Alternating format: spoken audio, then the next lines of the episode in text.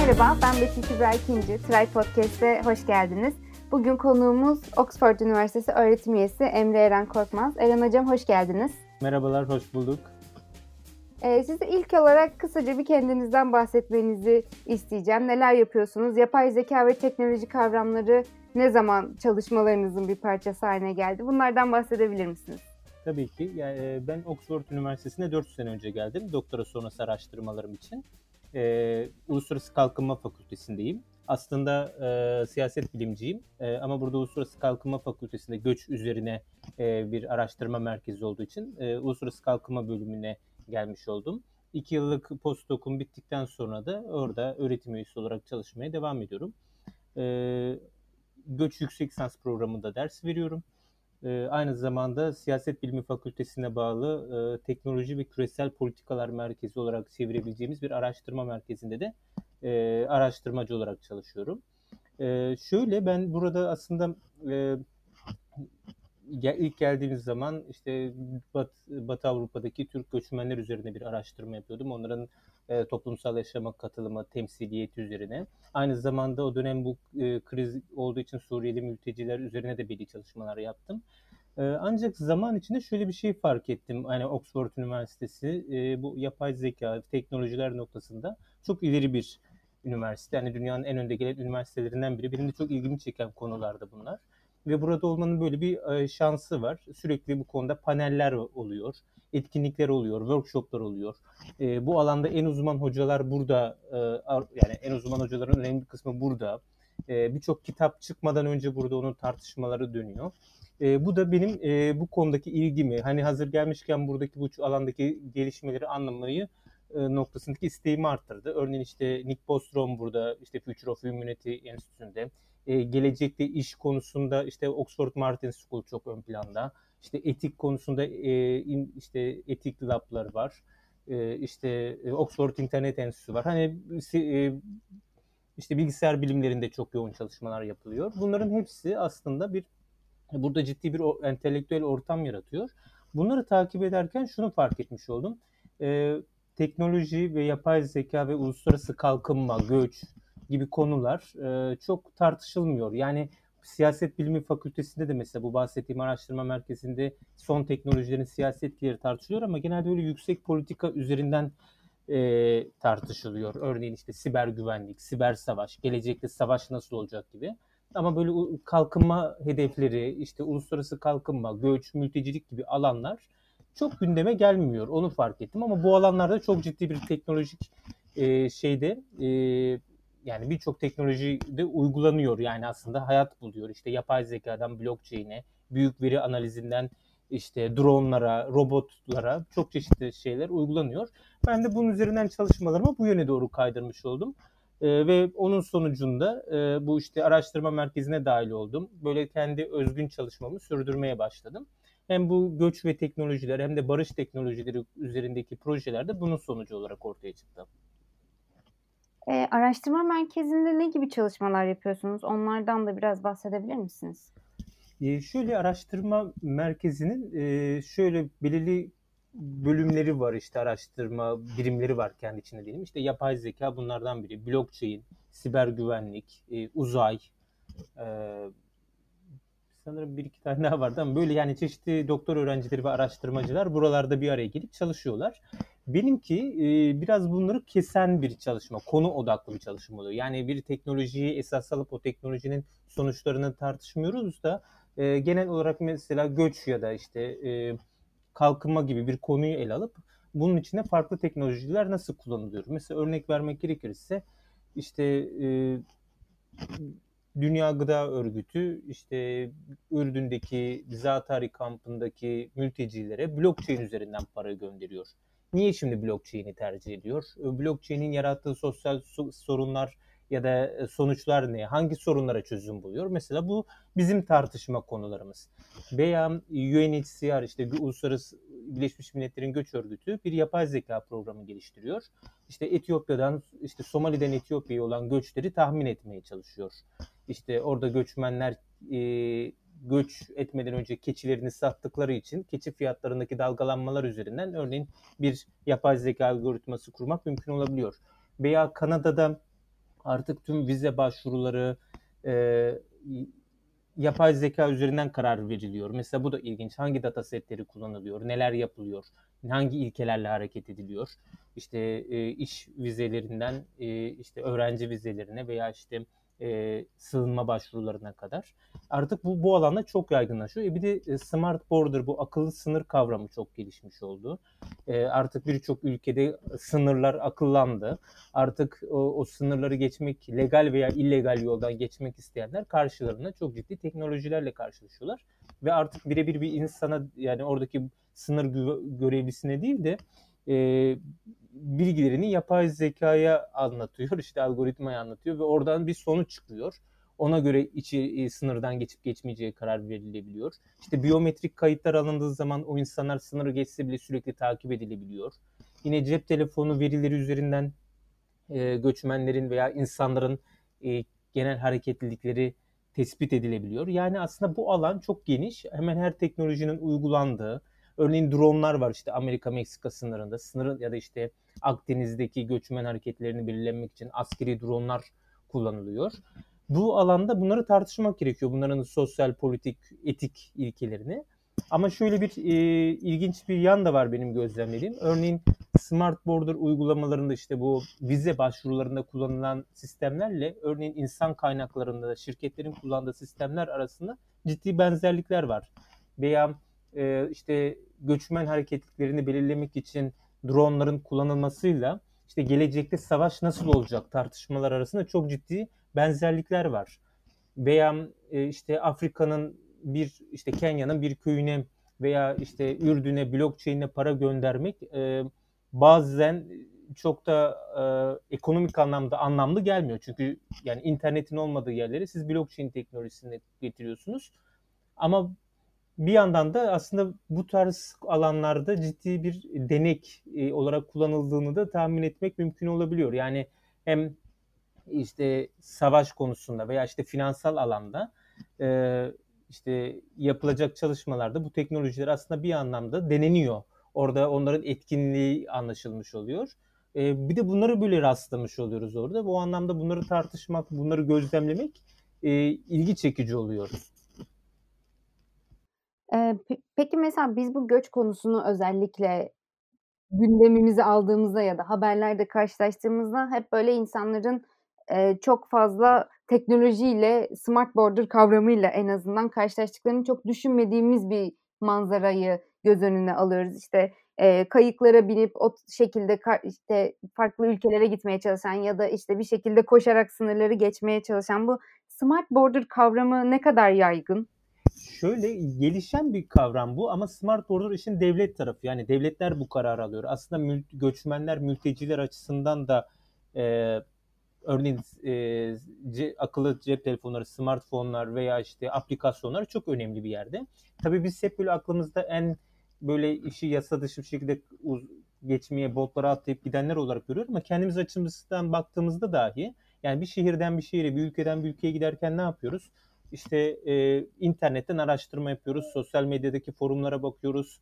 İşte bir ülkeden artık bir ülkeye gezmeye gitmek çok sıkıntı değil çünkü translate işte çeviri e, aplikasyonları var, işte haritalar var. Doğalında kimseye mecbur kalmadan, bir tur şirketine mecbur kalmadan hiç dilini bilmediğimiz yerlere kalkıp gidebiliyoruz.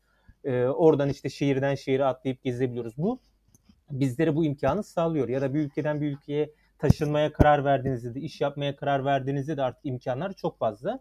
Ee, biz göçmenler veya mülteciler açısından da böyle yani siz işte e, bottan iniyor insanlar e, ekmekten sudan önce şey istiyor cep telefonu istiyor. Niye? Çünkü onun bütün veri kaynağı o. İşte hem sevdiklerine ulaşacak hem de bundan sonraki süreçte nereden nereye gideceğini görecek. Yani siz Macaristan'dan Almanya'ya gideceksiniz ama Macaristan'da Budapeşte de siz nerede yemek alabilirsiniz? Kim size destek verebilir? Bunların hepsini o sosyal medya grupları ortaya çıkartıyor. Yani e, bir de tabii şöyle bir şey de var. Mesela o botlarda çok farklı milletlerden insanlar bir araya geliyor ve işte kıyıdan Ege adalarına geçmeye çalışıyorlar. İşte Afganistan'dan, Afrika'dan, Suriye'den, e, İran'dan. Peki bu insanlar nasıl anlaşıyor? Nasıl bir araya geliyorlar? Nasıl birbirlerine güveniyorlar? Nasıl bunların hepsini planlıyorlar? E bunların hepsi aslında bu aplikasyonlara bağlı. Çünkü o çeviri e, hizmetleri sayesinde oluyor. İşte insanlar e, bilmedikleri yerlerde örneğin kadınlar doğum yapmak durumunda kalıyor ya da hastalıklar geçiriyor. Yine burada nasıl hizmet alacaklar, nasıl kendilerini ifade edecekler? Yani aslında işin göçmen, sıradan insanlar kısmında da çok önemli. Yani o telefonlar olmadan çok daha zor. Hatta şimdi yeni yeni şunu da görüyoruz. Örneğin Afganistan'dan e, insanlar yola çıkıyor. E, kripto paralarla e, işte kaçakçılara ödeme yapıyorlar. Çünkü üstünüzde o kadar e, nakit para taşımak riskli. E, e, kripto paralar daha avantajlı olabiliyor. Bir şekilde Türkiye'ye girseniz o parayı bir şekilde nakite çevirebilirsiniz. Ülkeden ülkeye kaçırabilirsiniz o parayı. E, bu da mümkün. Ama smart border kısmı biraz da devletlerin e, sınırları ne kadar akıllılaştırdıklarıyla, ne kadar çok teknoloji kullandıkları alakalı. Bunun içinde mesela yüz tanıma sistemleri var. E, bunun içinde biyometrik kayıtlar var. Bunun içinde dronlarla sınırların ötesini inceleme var. Mesela bazı dronlarda bunların hepsi var. Gelen insanları tespit etmekle kalmıyor. İşte yüz tanıma üzerinden e, onları e, işte ve sosyal medya hesaplarına bir şekilde e, ulaşıp gelecek kişi daha sınıra varmadan onun kim olduğunu bulmak, öğrenmek mümkün olabiliyor. İşte yani böyle bir sürü farklı uygulama kullanılabiliyor. E, bu da e, aslında sınırlardan geçerken e, devletin sizi tespit etmesini, işte biyometrik bilgilerinizden, e, işte cep telefonlarınıza kadar ve sürekli takip etmenizi sağlıyor. Bunun yasal mesela turist vizesi için de geçerli. O kadar çok bilgi veriyoruz ki ve biyometrik kayıtlarımızı veriyoruz, fotoğraflarımızı veriyoruz. Yani esasında bizim hakkımızdaki her bilgiye ulaşmış olabiliyorlar. E, sınırlardan geçtikten sonra da bizim üzerimizdeki o kontrol devam edebiliyor. Bunların hepsi ülkeye girişlerin çıkışların kontrol edilebilmesi açısından rahatlık sağlıyor. Devletler de bu konuda bir yatırım yapıyor. Hem Avrupa Birliği genel olarak sınırlarını korumak için bu yatırım yapıyor. Hem işte İsviçre, Kanada, Amerika, ABD gibi ülkelerde e, bu akıllı sınır uygulamaları konusu ön plana çıkıyor. Ama bunun belki son olarak şunu söyleyebilirim. Bunun bir etkisi de şu. Bu ürünleri üreten firmalar genellikle askeri teknoloji üreten firmalar.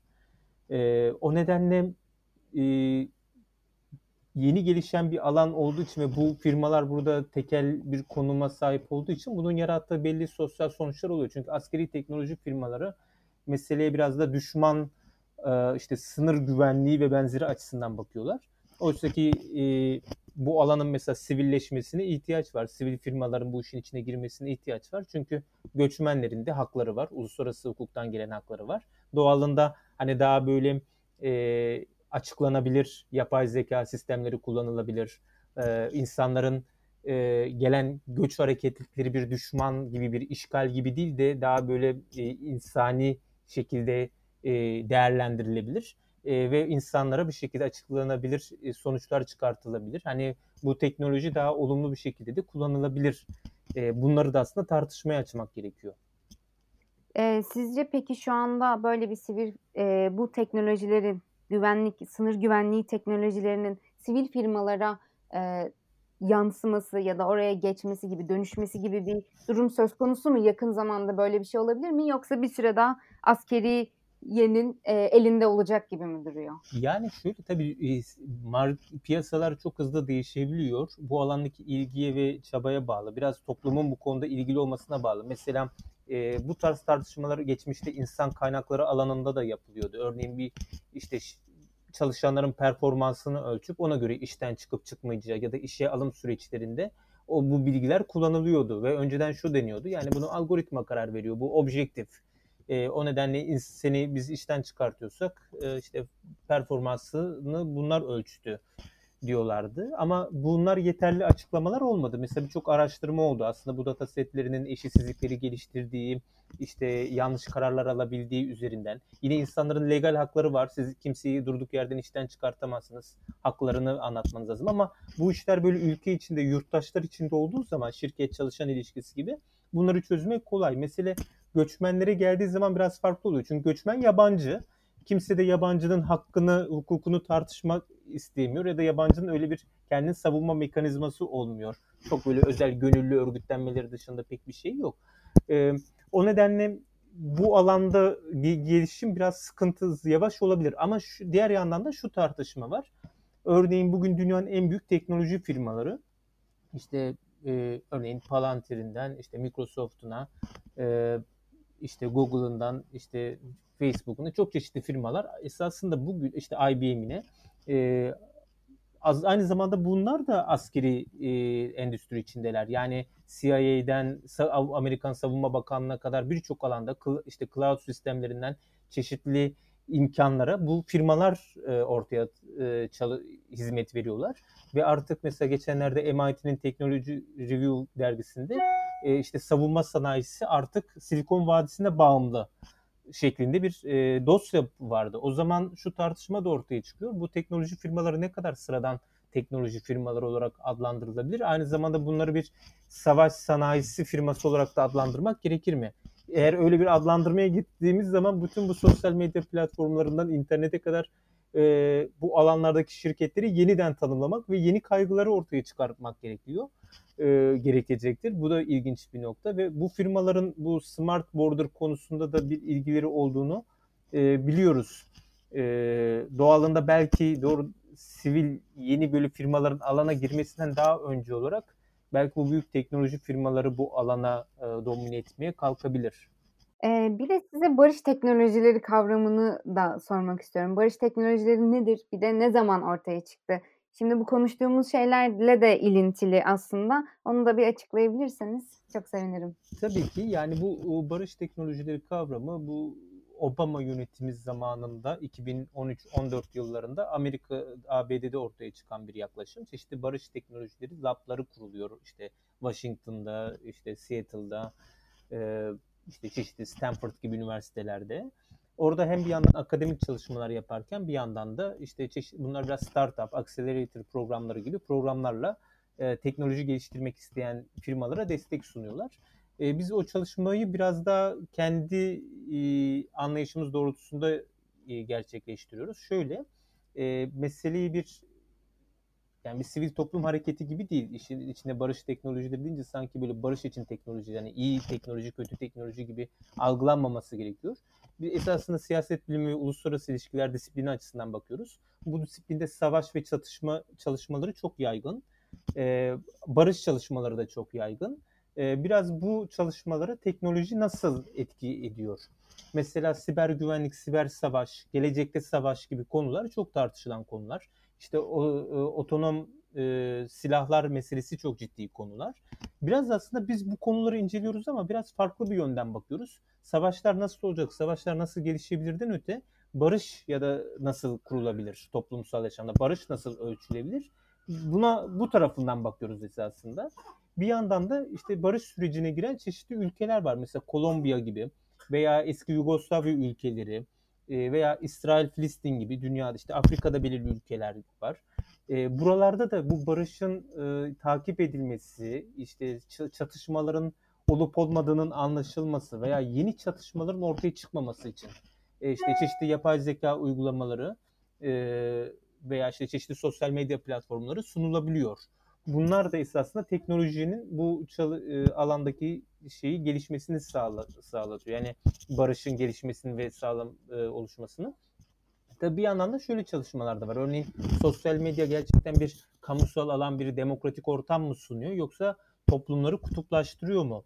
Mesela bizim araştırma merkezimizde yapılan son araştırmalardan bir tanesi işte İngiltere, Almanya ve Amerika'yı inceliyor ve İngiltere'de özellikle toplumsal kutuplaşma işte Avrupa Birliği üyeliği ekseninde çok yoğundu ve şu ortaya çıkıyor. Sosyal medya üzerinden e, işte Avrupa Birliği yanlıları, karşıtları ve İskoçya'nın bağımsızlığını savunanlar birbiriyle hiç artık ilişkisini kesmişler. Herkes çünkü kendi düşüncesine yakın insanları takip ediyorlar ve sosyal medya üzerinden kendilerini o şekilde e, işte nasıl denir politik anlamda dolduruyorlar. Ama hiçbir şekilde bir rakip ya da farklı bir düşünceyi dinleme imkanları olmuyor ve sosyal medya ile beraber mevcut kutuplaşma daha da artıyor. Amerika'da da benzeri örnekler var. Eminim Türkiye'de benzeridir.